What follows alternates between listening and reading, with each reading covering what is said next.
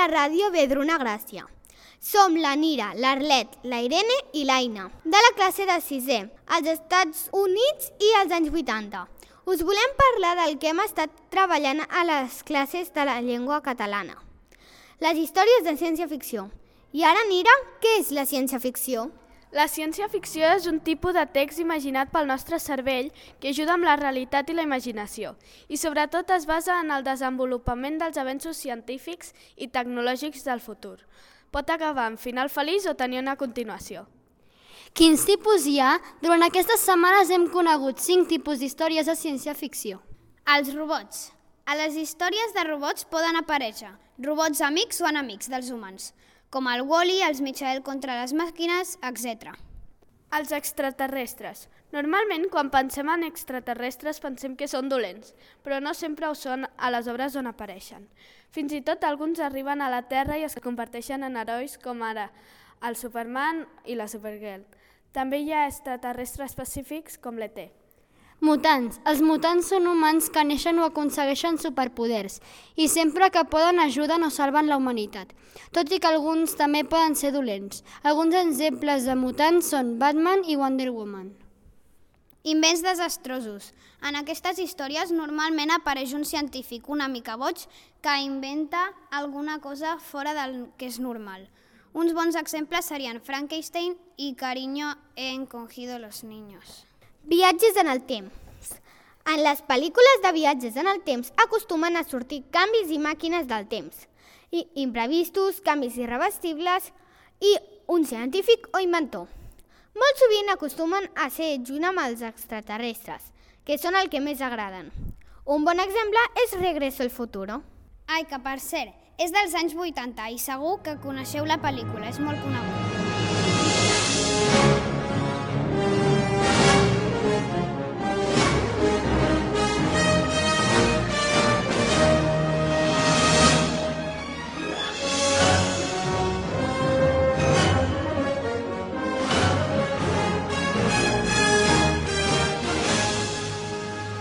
Tothom, som el Jaume, el Marc, el Martí, el Roger Codony i jo, el Roger Sorolla. Ara que ja sabeu què és la ciència-ficció, us presentarem alguns dels escriptors i escriptores més importants. La Mary Shelley va néixer el 30 d'agost de 1707 al Regne Unit i va morir l'1 de febrer de 1851 també al Regne Unit a causa d'un tumor cerebral.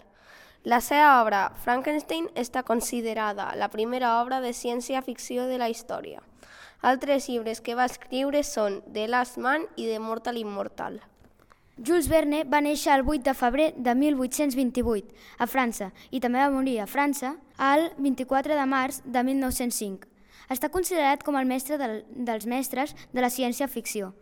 Algunes de les seves creacions són 20.000 llengües de viatge submarí, de la Terra a la Lluna, viatge al centre de la Terra i la volta al món en 80 dies. Arthur Charles Clarke va néixer el 16 de desembre de 1917 al Regne Unit i va morir a l'Índia el 19 de març del 2008. Va escriure una de les obres més importants de la ciència-ficció, 2001, una odissia a l'espai. També va escriure les seves continuacions, 2010, Odissea 2, 2061, Odissea 3 i, per últim, 3001, Odissea final. El quart autor és Isaac Asimov, que va néixer el 2 de gener de 1920 a Rússia i va morir de sida el 6 de desembre de 1992 a Nova York, als Estats Units. El seu llegat és ple de grans obres, però si n'hem de destacar alguna, seria la trilogia de la Fundació i Jo Robot, on apareixen les tres lleis de la robòtica.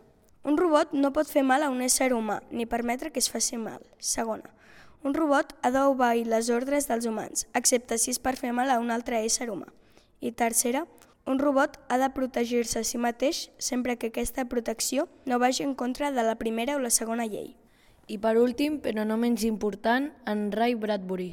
Va néixer als Estats Units el 22 d'agost de 1921 i va morir a Califòrnia el 5 de juny de 2012. Va escriure Cròniques marcianes i Fahrenheit 451, on explica que al futur els bombers cremen llibres en lloc d'apagar focs i un grup de persones se'ls aprenen de memòria perquè no siguin oblidades les seves històries. Esperem que us hagi agradat i que hagueu après molt sobre els cinc autors de ciència-ficció que us hem parlat.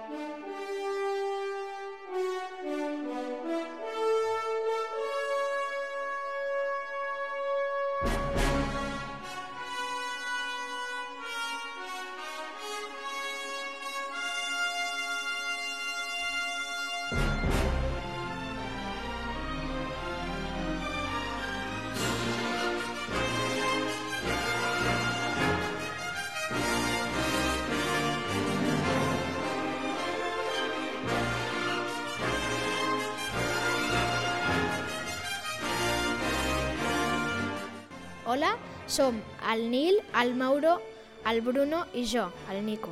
Des de les històries més antigues i les més importants que us acaben d'explicar els nostres companys.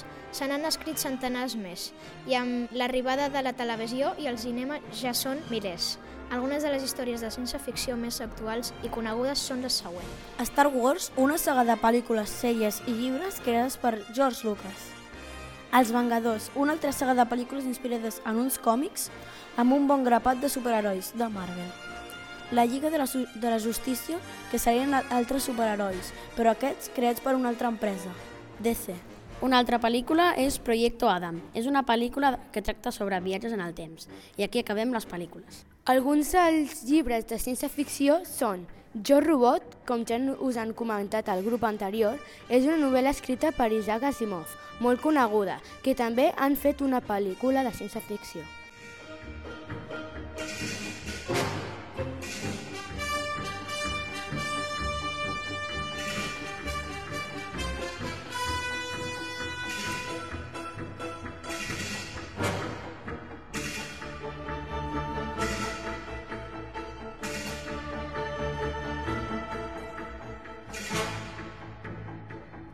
Hola, us presentem la Laia, la Gina Espín, la Júlia i la Gina Zabalbeascoa, que faran a continuació un debat sobre la ciència-ficció.